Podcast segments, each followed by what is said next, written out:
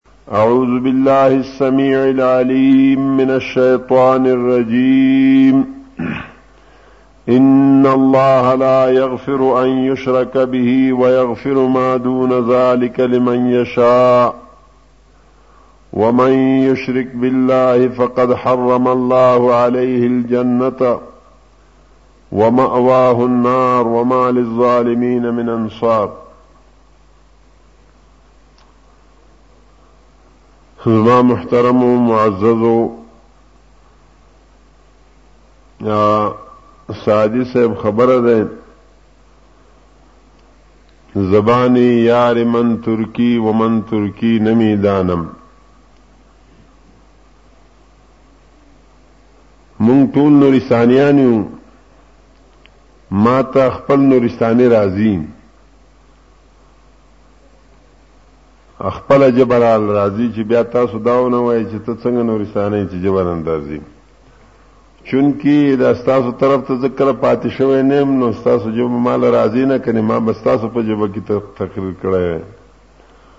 خو بهر حال که اوس مونږ په پښتو وایو نوم پردی ژبه ده که اردو وایو نوم پردی دی نو کوشش به دا کوو چې تاسو د پوهولو او تاسو هم ځان کې داسې بیداري پیدا کړئ، ویده کېږئ مه،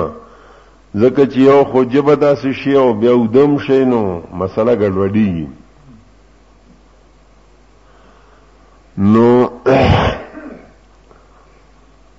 د الله رب العالمین احسان دی په مونږ باندې چې مونږ په داسې ځای کې چې د ملک آخري حصہ ده او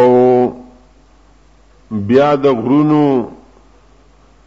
او د ځنګلو مینز ده او بیا په داسې ځای کې چی په دی وادی کی مختلف قسم خلق اوسیږي سب کی کافر دي چې خلق ورته سره کافر وای څوک ورکی اسماعیلیان دي څوک ورکی پیرنګیان دي عیسایان دي څوک څنګه دي څوک څنګه دي بیا هم رب العالمین زمونږ په نصیب کې لا اله الا الله محمد رسول الله کړی دی او مونږ په دې کلمه باندې مشرف یو خو حقیقت دا دی د کم ورځې نه چې پاکستان جوړ شوی دی خلک هم دقه زوتی چې پاکستان کا مطلب کیا لا اله الا الله د پاکستان مطلب څه شه دی لا اله الا الله دغه دی شپږ څلوېښت اووه څلوېښت کاله تېر شو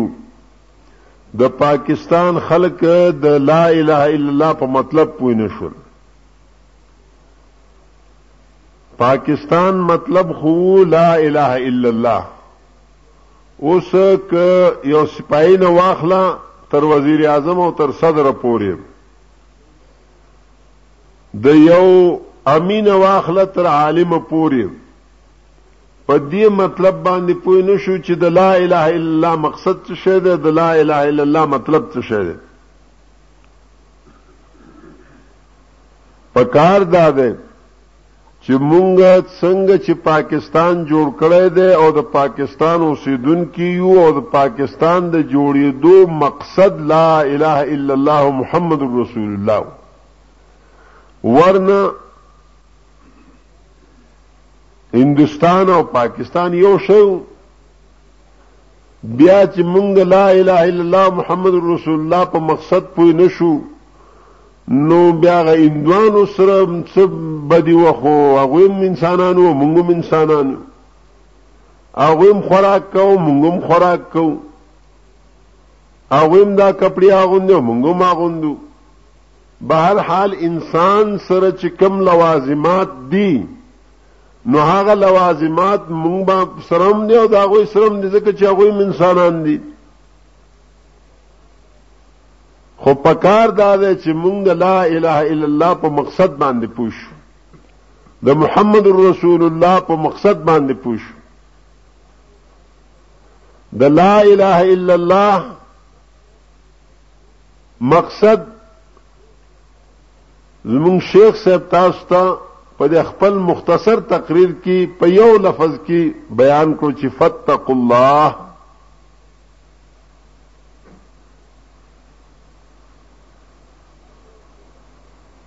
هر یو پیغمبر چې راغلی دی هغه خپل امت تم دقه کلمه پیش کړې ده چې لا اله الا الله او بیا دا دویم جز د کلمې هر یو پیغمبر پیش کړی دی که څوک آدم نو آدم صفی الله ویل دی که نوح نو نوح نبی الله ویل دی یعنی هر یو پیغمبر خپل نوم دې کلمې سره پیش کړی دی او محمد رسول الله صلی الله علیه و آله وسلم چې راغی نو لا اله الا الله سره محمد رسول الله وی نو فتقوا الله واطيعون د لا اله الا الله محمد رسول الله دا معنا شو چې د الله به بندگی کو او د محمد رسول الله صلی الله علیه و آله وسلم په طریقه بکو د لا اله الا الله څخه مقصد شو د الله بندگی بکو او په طریقه د محمد رسول الله صلی الله علیه و آله وسلم بکو زما محترم معززو څنګه چې الله رب العالمین دا فرمایلی دی چې ما د دنیا ته هیڅ یو پیغمبر نه دی لېږلی وما ارسلنا من رسول الا نوحي اليه انه لا اله الا انا فاعبدون ما دې دنیا ته هیڅ یو پیغمبر هیڅ یو رسول نه دی لېږلی مګر کم یو رسول او کم پیغمبر چې ما را لېږلی دی هغې ته الله وایي چې ما دا وحی کړی دی چې لا اله الا انا هیڅ څوک حاجت روا مشکل کشا لایق د عبادت نشته دی مګرم زه يم وی الله تعالی نو کله چې زه شم نو فعبدون زما بندگی وکړئ د بندگی لایق د عبادت لایق هیڅ څوک نشته سوا زمانه الله وی چې کله چې د بندگی لایق زمانه سوا څوک نشته نو زما عبادت وکړي امدارنګ الله رب العالمین مونږ ته دا واضح کړي چې وما ارسلنا من رسول الا ليطاع باذن الله وما ارسلنا من رسول الا ليطاع باذن الله ما دنیا ته هیڅ یو رسول نه دی لېږلی داس چې کم رسول ما را لېږلی دی هغه دې لپاره مې را لېږلی دی چې زما په حکم سره د هغه اطاعت وشي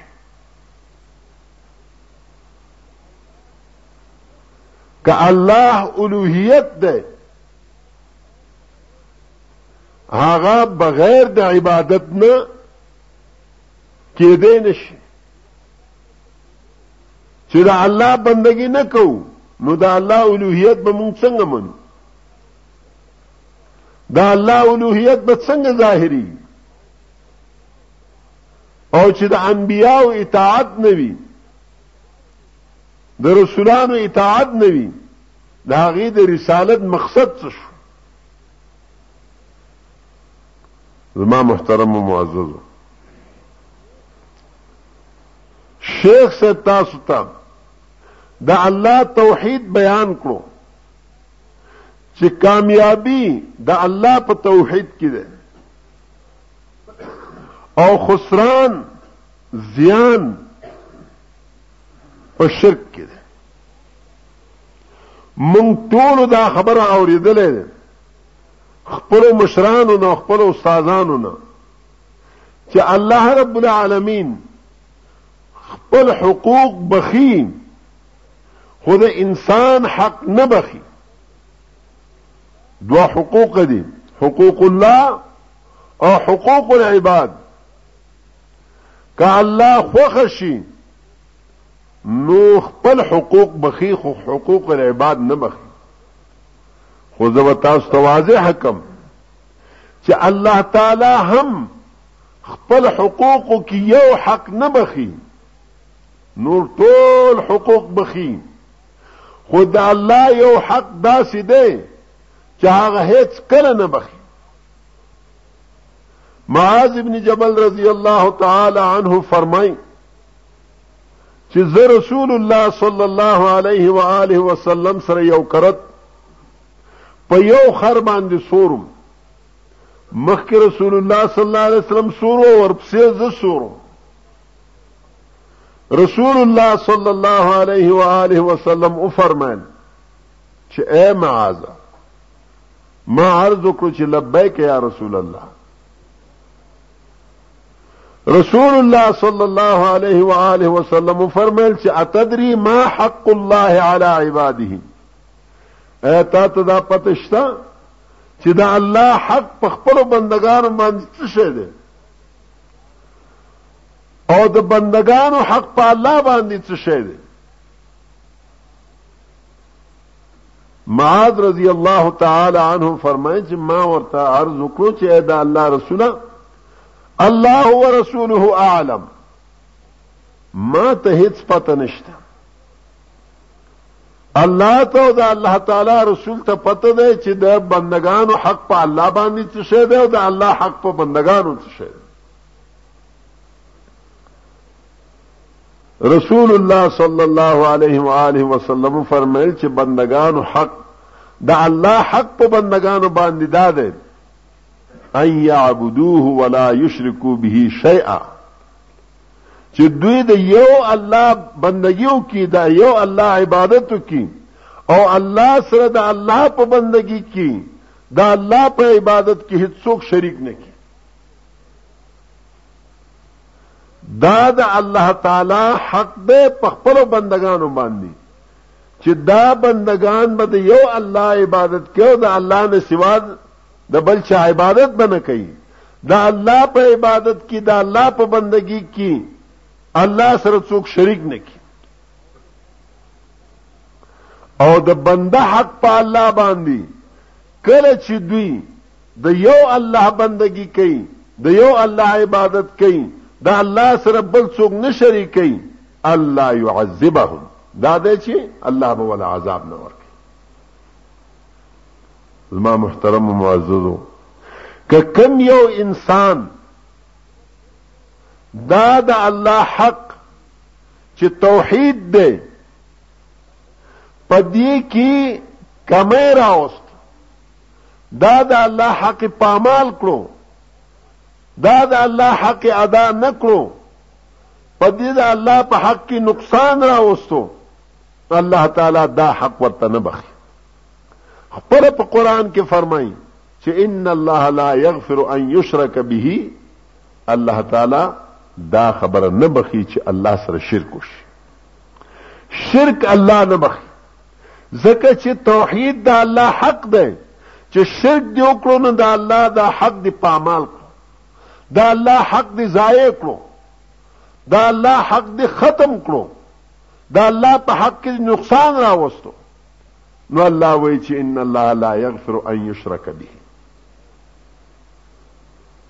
او ويغفر ما دون ذلك لمن یشاء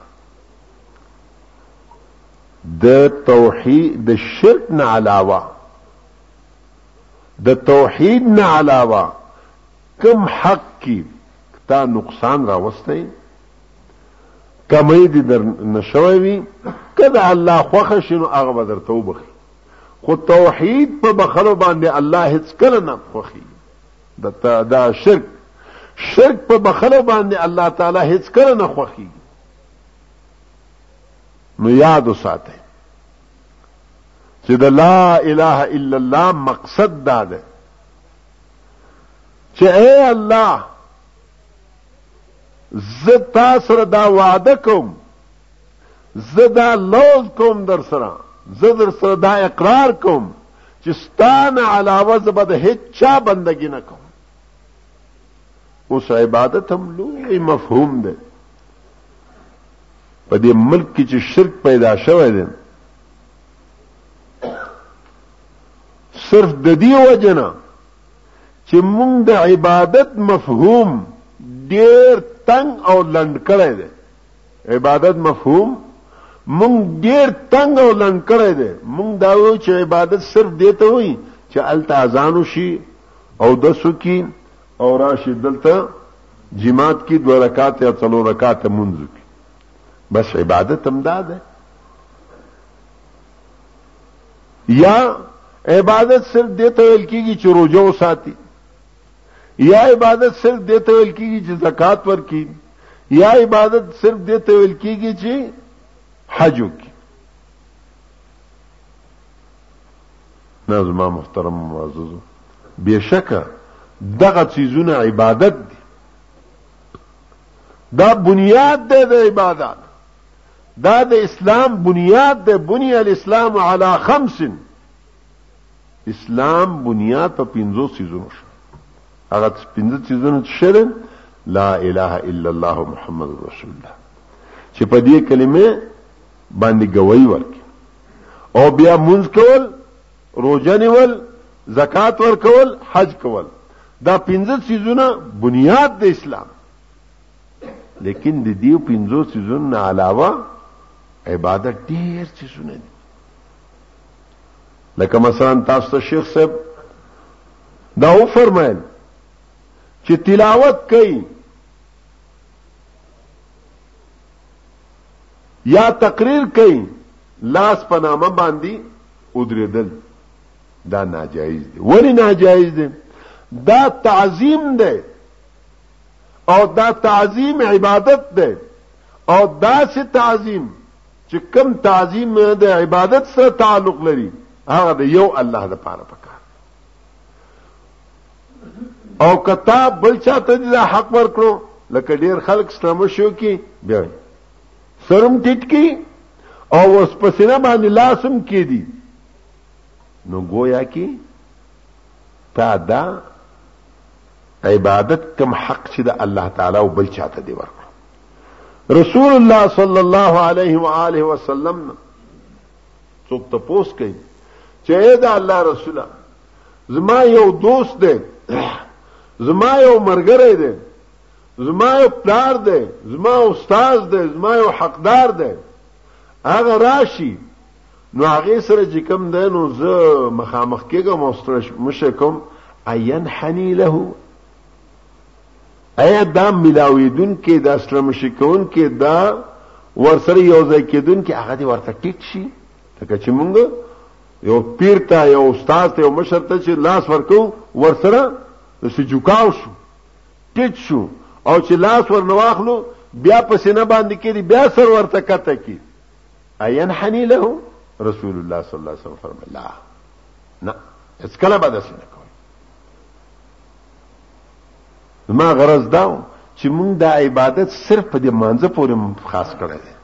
دا مې عبادت دی چې سر دې ټیټ کو دا سر به دا الله نه سوا بل چا ته به نه ټیټی دا سر چې چا پیدا کړی دی نو هغې ته به ټیټی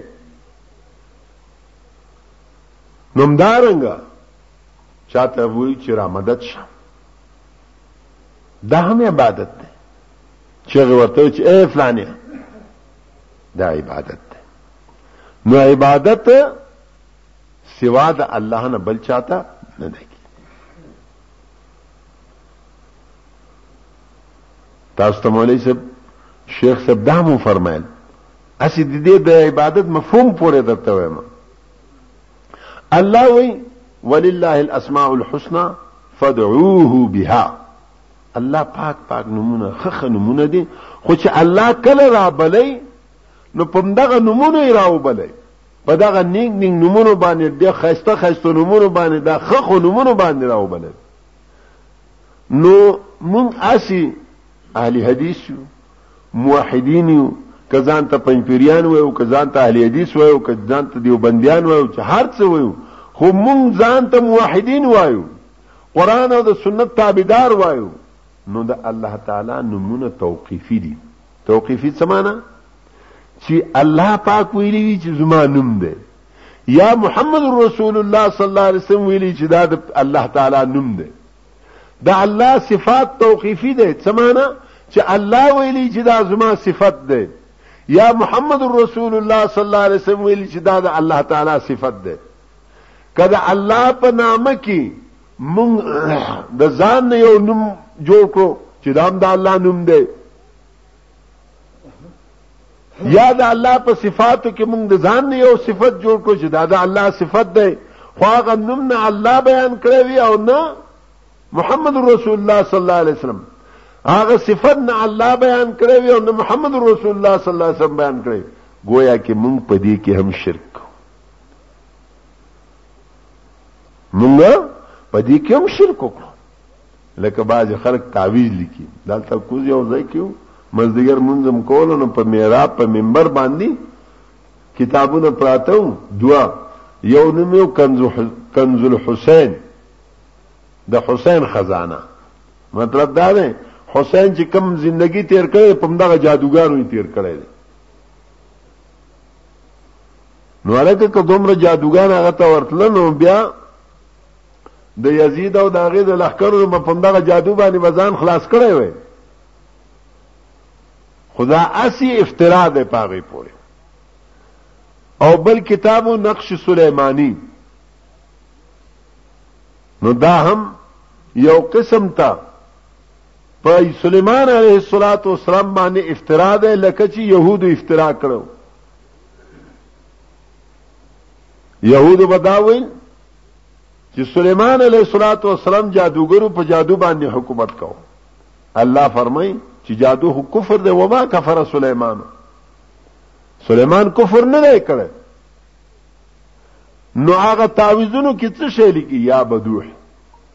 هغه چې مولا صاحب نه تاسو کې چې تا خدای یا بدوح دا یا بدوح څه شی دی وای دا د الله نوم دی الکه دا یا بدوح بدوح چې کوم ده نو الله نوم چرته قرآن کې الله ویلي دي یا محمد رسول الله صلی الله علیه وسلم ویلي دي چې دا د الله نوم دی اخر دا د الله نوم خو توقیفي ده تا ته دا الله نوم چا وښودلو چې دا الله نوم دی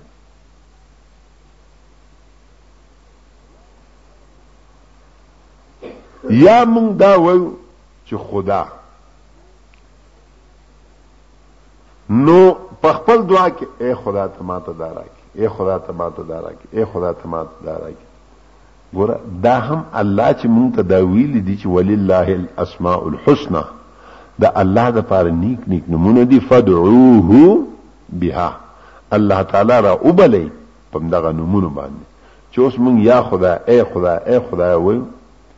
نو ایا دا لفظ د خدای د الله تعالی په اسماو کې الله خودلی دی او که د الله تعالی رسول خودلی دی نه الله خودلی دی نه د الله تعالی رسول خودلی دی نو لهذا مونږ د پاره پکار دی چې دعا په یا ای خدا ای خدا سره ونه کو ای یا الله یا رحمان یا رحیم یا کریم ها دا د الله تعالی نمونه دي یا غفار یا ستار ها یا وهاب یا علیم یا خبیر په دې باندې الله تعالی نه چې کوم نه مونږ دعا وغواړو نو رب العالمین به مونږ تراکي ځکه چې الله رب العالمین فرمای ادعوني استجب لكم ادعوني استجب لكم ما نه وغواړئ زه به ستاسو دعا قبول کړم که مونږ د خدای نه غواړو پکار دا ده چې موږ د الله نه غواړو کته ویل اے خدا اے خدا دا خدا الله نوم نه ده ټیک دی چې زمونږ په استعمال کې زمونږ د دغه د پاره یعنی یو مفهوم د پاره پوه د پاره لکه چې هر یو جبه کې د الله تعالی د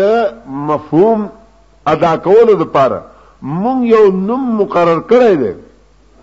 هغه په خپل ځای دی چې موږ به خپل هغه پوهې د پاره یو بل نه چې زمونږ پروردګار زمونږ خالق دا دی اما د الله د غوښته د پاره الله بیا ده الله تعالی هغه نمونه چې کوم الله خپل بیان کړی دی یا محمد رسول الله صلی الله علیه وسلم خپل بیان کړی او دا یاد وساتئ دا خدای لفظ فارسی دی ګره پښتو خو نه پښتو نه ده او عربي نه ده فارسی لفظ ده فارسی خدا دا اصل کې د خداوند نه ده په پوښي فارسی کې وي خداوند خانه خداوند ماست خداوند خانه خداوند ماست د کور مالک زما مالک نو گویا کی دا خدا لفظ د مالک ترجمه ده یو قسم ته نو که صرف مفهوم ادا کیږي نو بیا ټیک ده مفهوم د پاره ته استعمالول شي پښتو کې دغه و یا فارسی کې دغه و لکه انګریزي کې چې کم نه نو گاډ وای په نورو جبو کې مختلف استعمالیږي نو د مفهوم ادا کولو د پاره ته استعمالول شي لیکن د الله نه دعا غوښتل بغیر د اسماء الحسنا نه نه دی پکار دا مفهوم ما ذکر درته ویلو چې سوریانی په جبه کې ایل ایل مونږ ویل شو نو دا د الله په معنا باندې ټیک دی یعنی د الله مفهوم ادا کولو د پاره بنی اسرائیل اسرائیل میکائیل اسرافیل د ایل محدثین مفسرین دا وی ایل په معنا د الله ده یعنی په مفهوم د الله ده د مفهوم ادا کولو د پاره کې استعمالینو ټیک ده کفر او شرک ورته نشو ویلې خو دومره ده چې د الله نه غوښته د پاره به دا لفظ نه استعمالوي زما مقصد او غرض دا چې مونږ دا د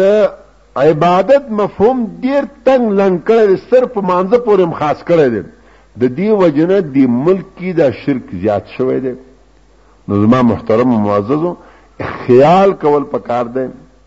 او تحقیق کول پکار دی دا سینا چې زه داوا د توحید کوم چرته په شرک کې اخته نشو دا سینا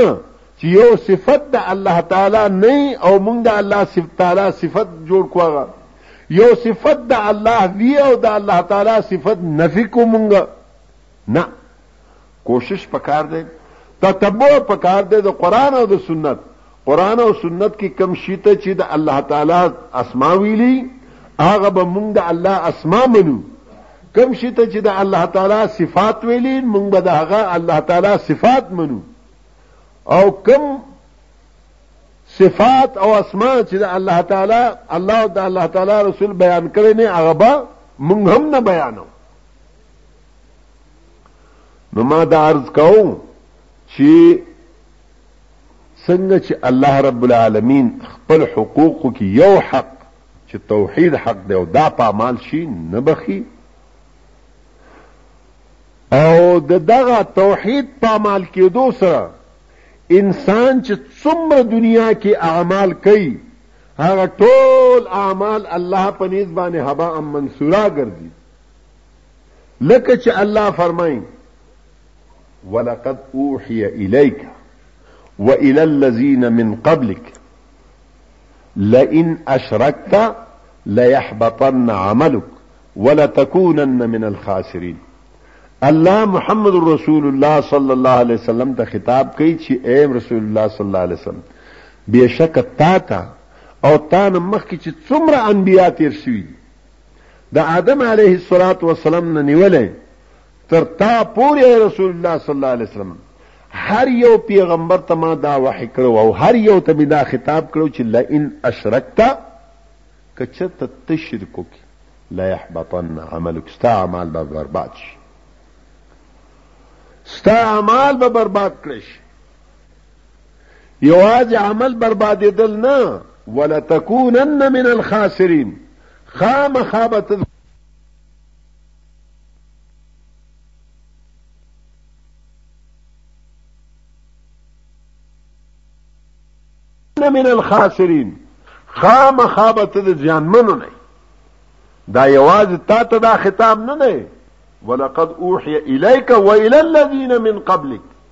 کم چې تا نه مخکې انبیا او پیغمبران تیر شوي دي او رسولان تیر شوي دي هر یو ته دا وحی شوی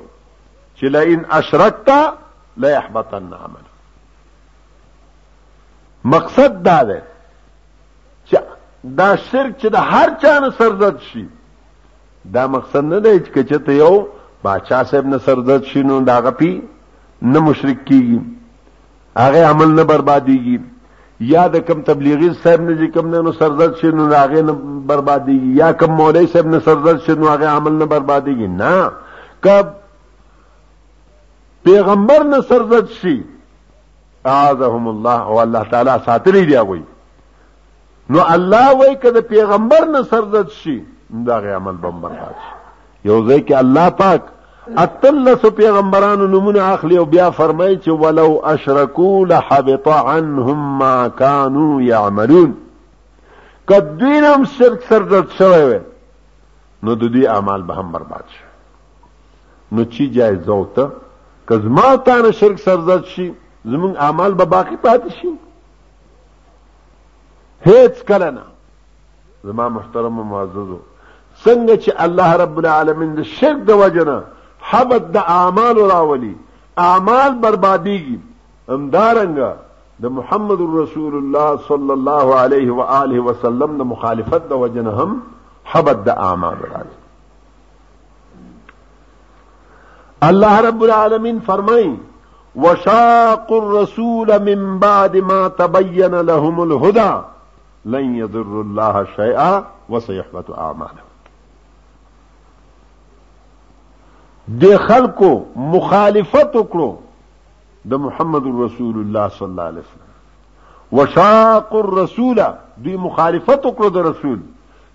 کله من بعد ما تبین لهم الهدى پس تاغې نه چې دوی ته هدایت واضح شوی سنت ورته معلوم شوی د پیغمبر طریقه ورته معلومه شوی د پیغمبر سیرت ورته معلوم شوی د پیغمبر که ورته معلوم نه خو ځه یو قسم ته عذر ده چې معلوم شي ورته چې دا د پیغمبر سنت ده او بیا هم د مخالفت کوي الله وایي چې لن یضر الله شیئا دی الله ته هیڅ قسم ته ضرر نشي رسولی ځکه چې رسول الله صلی الله علیه و آله وسلم فرمایي کدا ټول دنیا مخلوق داسې د الله مطیع شي د ټول دنیا مخلوقات زړونه د یو پیغمبر غوندې زړه شي محمد رسول الله صلی الله علیه وسلم د زړه غوندې زړه شي او ټول مطیع شي د الله تعالی او ټول د الله فرمان بردار شي هیڅ یو انسان د الله نافرمانی نه کوي نو د الله تعالی په بادشاہت کې د مچ وزر قدر ته زیاته نشي راوسته او کدا ټول دنیا مخلوق زړونه د یو بدبخترین انسان د زړه غوندې شي لکه د فرعون د زړه غوندې شي د فرعون د زړه غوندې شي او ټول دنیا د الله تعالی نافرمانی شروع کی هیڅوک د الله تعالی بندگی نه کوي او اطاعت نه کوي نو د الله تعالی په بادشاہت کې د یو مچ وزر قذر ته کمی څوک نشي راوست ان تکفروا انتم ومن في الارض جميعا فان الله غني عن العالمين کتاسو او ټول دا دنیا د الله نافرمانی شروع کی الله تعالی ته ټولې دنیا نه نافر بے پروا ده دا الله په هیڅ نه کیږي لن یذر الله شیئا الله ته هیڅ قسم ته نقصان نشه رسولای خو نقصان به چای ستاسو اعمال به برباد شي اعمال به ستاسو برباد شي د پیغمبر په مخالفت کې الله دین ته هیڅ قسم ته نقصان نشي رسولی الله ته هیڅ قسم ته نقصان نشي رسولی رسول الله صلی الله علیه و آله وسلم ته هیڅ قسم ته نقصان نشي رسولی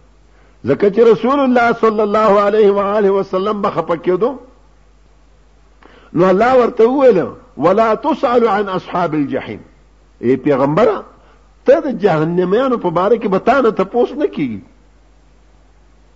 لعلک باخع نفسک کېدای شي چې تخپل ځان هلاکي په دې خبره باندې چې دوی ایمان نه راوړي نه پتا باندې هیڅ نشته ما علی الرسول الا البلاغ په پیغمبرانو باندې هیڅ نشته سوا د رسولو خو چې د پیغمبر مخالفت وکي پس ته سنت معلومېدونه الله وای چې الله دین ته هیڅ قسم ته ضرر نشي رسولای خود دوی اعمال به برباد شي حبت د اعمالو په شرک سره حبت د اعمالو د پیغمبر په مخالفت سره دا یاد وساته دا قران اصل فیصله ده چې حبت د اعمالو چې راځي یا د الله تعالی په ذات او صفاتو کې او په اسماو کې شرک کولو سره یا د محمد رسول الله صلی الله علیه و آله وسلم مخالفت کولو سره په دې دوو کارونو سره حبت د اعمالو راځي او لا اله الا الله مقصد څه شو د الله بندگی توحید منل د شرک نه بیزاری او د محمد رسول الله مقصد څه شو د محمد رسول الله صلی الله علیه و آله وسلم اطاعت کول د رسول الله صلی الله علیه و آله وسلم د مخالفت نه ځان بچ کول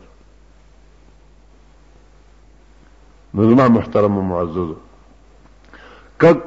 که د کامیابی لار مونږ لټو نو صرف په دې دوو چیزونو کې د الله په کتاب کې د محمد رسول الله صلی الله علیه وسلم په حدیث کې د الله په بندگی کې د محمد رسول الله صلی الله علیه وسلم په اطاعت کې او کوم د کامیابی د دنیا یا کامیابی د آخرت د پاره کم دریم لار مونږ لټولو نو دنیا کې هم خسران او آخرت کې هم خسران دنیا کې هم ناکام یو او په آخرت کې هم ناکام یو ازمارونه یوازې دا منځونه نه دی ګوره نن سبا خو صرف دومره خبره ده که یو سړی رفع الیدین وکي یا امین په زور ووي یا په سینه باندې لاس کېږدي یا فاتحه ووي یکدم ووایي چې دا د امام صاحب د مذهب نه بهر ته شو او که خپله ږیره خرئ دی د امام صاحب د مذهب نه بهر نه دی زه دا تپوس کوم د مسلمان نه زه چې ما سره دلیل موجود دی چې پیغمبر رفع الیدین کړی دی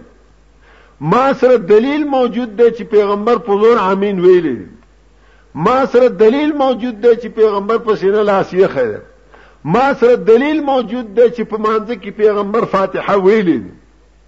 که زه دا کار کوم زه خو وابي شم زه خو غیر مقلد شم زه خو ستا په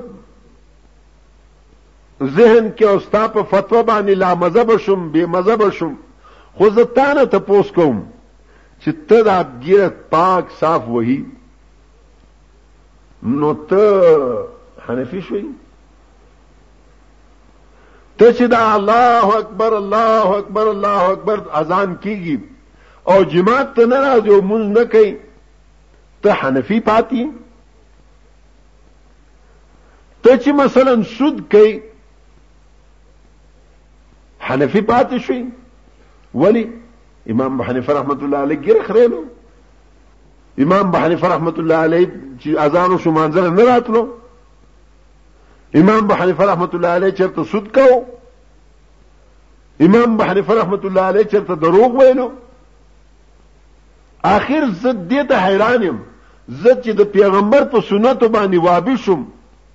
لا مذهب شوم نو ته چې د د امام ابو حنیفه رحمت الله علیه سراسر مخالفت کوي چې سبې د خوب پاتېږي بیګیو د کېدو پر قدم قدم د امام ابو حنیفه رحمت الله علیه مخالفت کوي ته حنفي پاتې شي او زه چې د پیغمبر خدا صلی الله علیه و آله وسلم د الله پیغمبر صلی الله علیه و آله وسلم کټور کې نشم کوله په بعضی امور کې اطاعت کوم نو زه وهابي شوم عجیبه خبره ده دا مقصد او غرض دا ده چې دا چیزونه موږ د ځانه جوړ کړی اخلاق چې د پیغمبر اخلاق نه چې د هر چا اخلاق خپل کی نو تا ته محمدی نشي ویل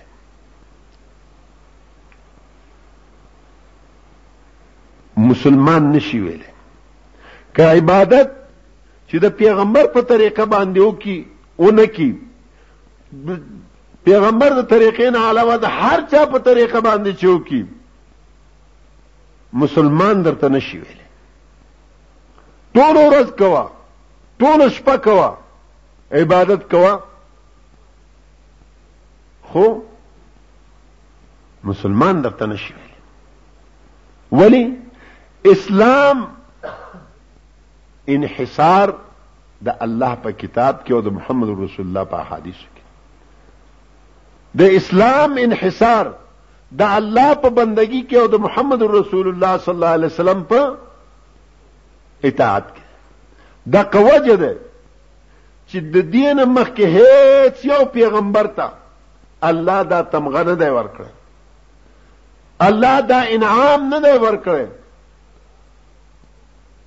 چې کم انعام او کم تمغه محمد رسول الله صلی الله علیه وسلم ته ورکړل او په دې انعام او په دې تمغه باندې يهودم پسخېدلې دي چې کاش دا انعام او دا تمغه مونږ ته ملاو شوی هغه وجه داو چې د آدم علیه الصلاۃ والسلام نه ونسا چې د رسول الله صلی الله علیه وسلم نه مخکې آخري پیغمبر عیسی علیه السلام د آدم علیه الصلاۃ والسلام نه د رسول الله صلی الله علیه وسلم نه ماقبل آخري عیسی علیه السلام د آدم علیه الصلاة والسلام نه تر عیسی علیه الصلاة والسلام پورې دا دین مکمل شوی نه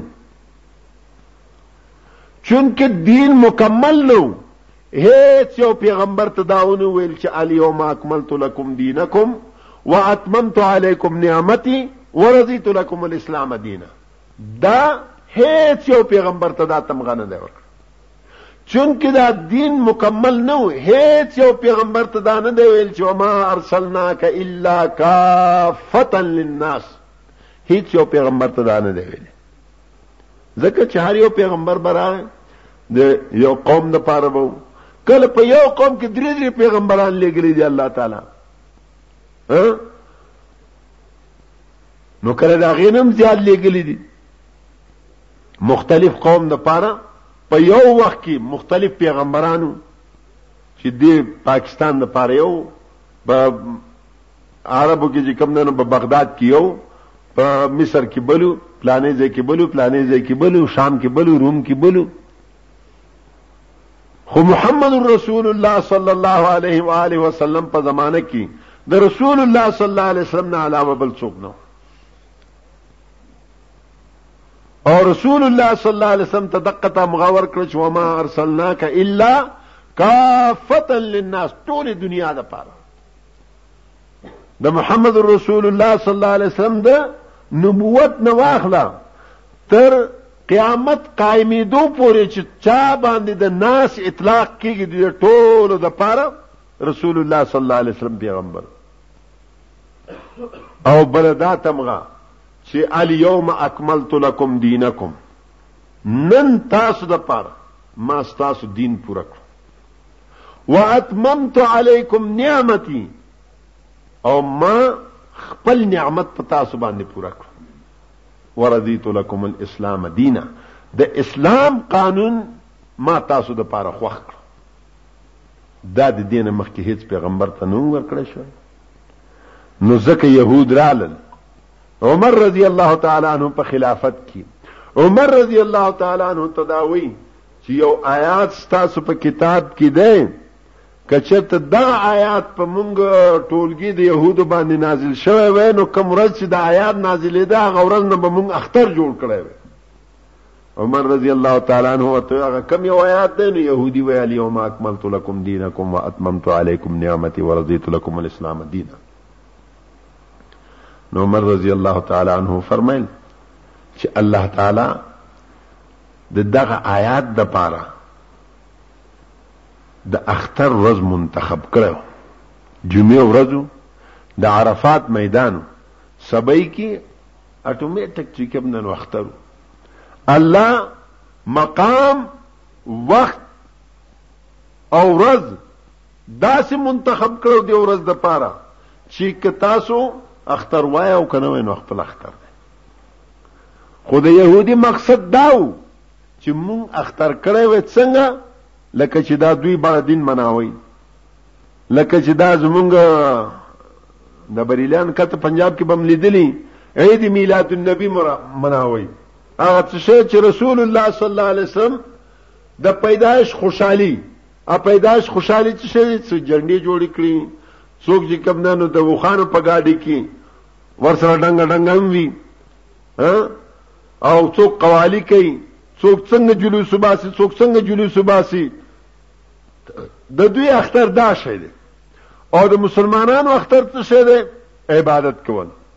چې سبې راوځه دوه رکعات منځ وکړه تکبیرات وایا قرباني وکړه دا الله بندگی کول مالی جانی قربانی کول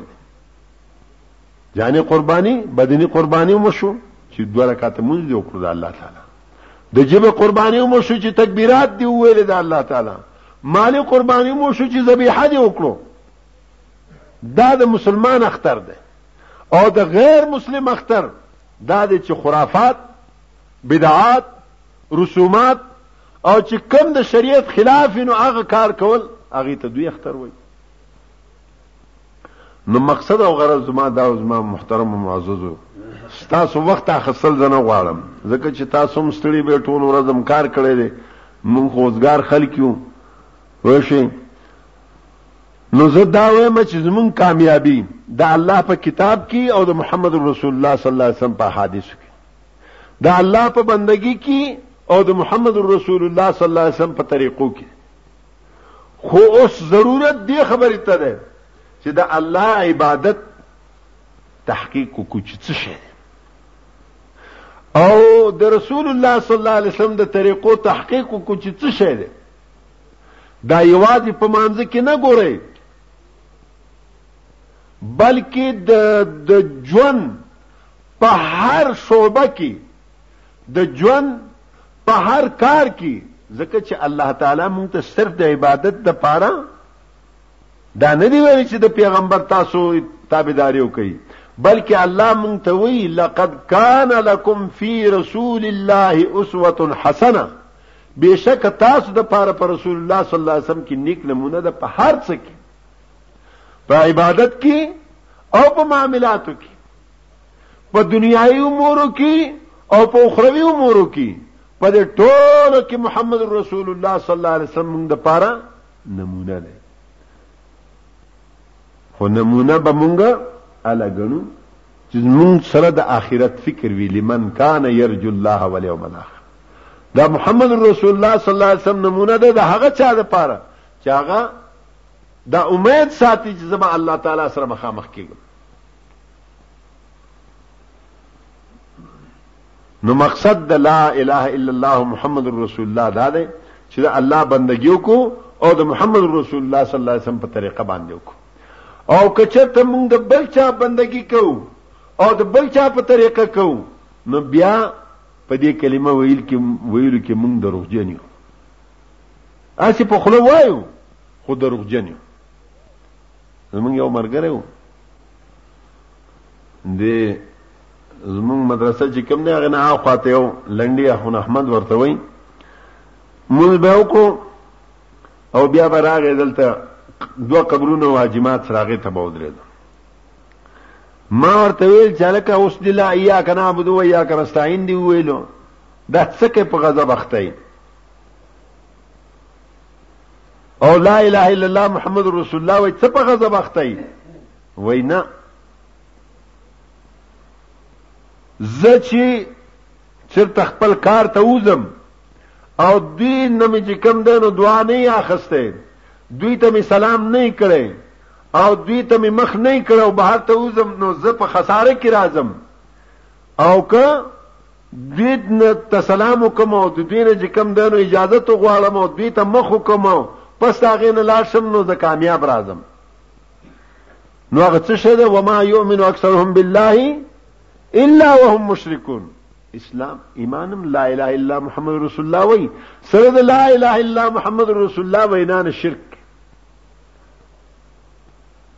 سره د لا اله الا الله وینا نه شرک کوي نو په دې باندې نجات نه حاصلېږي زما محترم معزز چې نجات حاصلېږي په لا اله الا الله محمد رسول الله وینا باندې او په دې باندې عمل باندې چې عمل هم ورسره وکي د لا اله الا الله په تقاضا باندې ځان پوي کی چې لا اله الا الله موږ نه څه غواړي صرف کو وینا وی خو موږ ټول وی چې پاکستان کا مطلب کیا لا اله الا الله او چې ګورو الیکشن چې کم ځای نه شروع کیږي ویل علی حجویری هغه خلکو داتا ورته دام شرک دا دا نوم هم د شرک دی داتا د الله نوم دی معتی دا الله په نومونو کې یو نوم دی المعتی ورکون کې او داتا څه معنی المعتی ورکوونکی نو هغه د الله نوم په هغه باندې په علي حجويري باندې نوم یې خره علي نوم دی داغه ها د حجویر اوسیدونکو یقینا دا د دې نوم نه معلومیږي چې شیو علي حجويري د نوم نه معلومیږي چې شیو خو دوی ته الله جوړ کړی دی نو چې کله دوی الیکشن شروع کړي نو اول په هغې دربار ته حاضر شي، په هغې باندې څادر وغوړوي، د هغې په لاس پورته کړي، نذر و نیاز ومني، ښه ځان مشرک کړي، بیا الیکشن شروع کړي او چې کله کامیاب شي نو بیا هلته ورشي، الله خو تیری چې ای علي هجویري ستا د وجه نه زه کامیاب شوم او ستا لمنې ته رالم او ته به مې چې کوم دی نو ساتي نواز شریف ډېر تاو راتاو شو خو اخر بچ نه شو اول اسمبلی مات شو بیا ولا ورغه تاو را تاو شو بیا اسمبلی مات شو زما محترم معززو په دې باندې هیڅ نه کیږي پښتو کې موږ چې الله نه کوي پیر بابا بچو کی لوړه که په خپل وای چې الله نه کوي پیر بابا بچو کی بیا پیر بابا ته منډي وای الله رب العالمین دې مونږ پوي کی الله رب العالمین دې مونږ شرک نه وساتي او الله رب العالمین دې مونږ د محمد رسول الله صلی الله علیه وسلم مخالفت نه وساتي الله رب العالمین دې مونږ په هغه دین روان کې چې کم دین مونږ ته محمد رسول الله صلی الله علیه وسلم پرېخې دی او دنیا نه رخصت شوه دی او ترکت فیکم امرین لن تذلوا ما تمسکتم بهما راته ویل دي اقول قولي هذا واستغفر الله لي ولكم اجمعين ګرانو او محترم اوریدونکو د دکان پته را یاد ساتئ مکتبه الاشاد او ایوب اسلامی کیسټ مرکز د قصه خانه بازار شاته پیښور خار د دې خبرې د دې خبرې تاسو انکار نشته ده شیخ عبدالسلام صاحب شیخ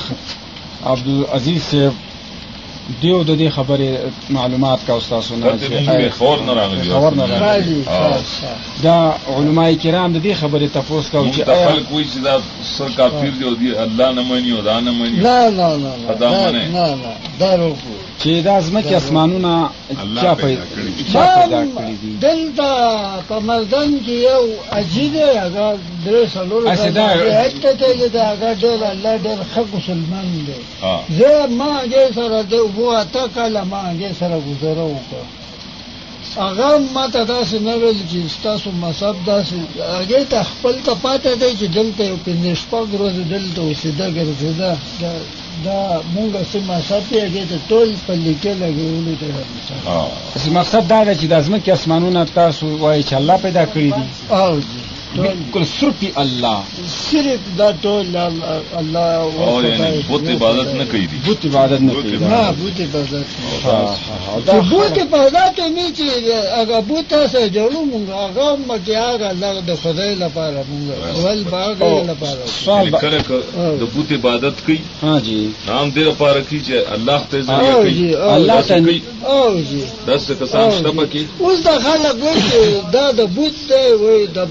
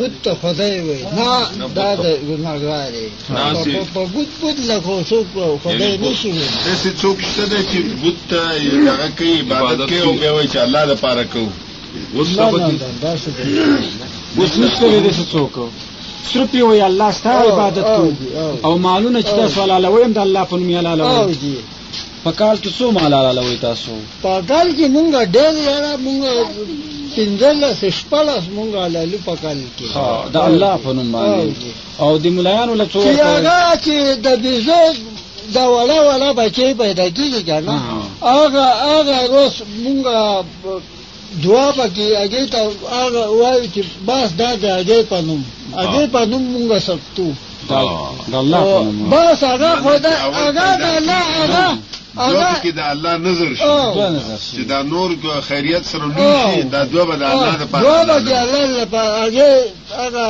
زمونږ چې سیده د مذهبي هغې لپاره مونږ پرېږدو بس هغه که چا روک نه شي هغې پټ نه شي هغې مړ نه شي هغه پکې لوی شي نو بیا لوی شي بس هغه بوځو هغه ځای کې بیا مونږ لالو هغه ځای ته بوځو بیا د څو خلک مونږ لګه لګه ټول لګه اسی بدن باندې د الله تعالی سره عبادت کوی کنه کو کو ولی بدن باندې هو کو ولی څنګه بدن داسې دی چې اوس داسې موي چې دی کلاش دی وای دا داسې دی وای دا نه لاندې وای کل کې یو ځل وای په لمبل ته ځي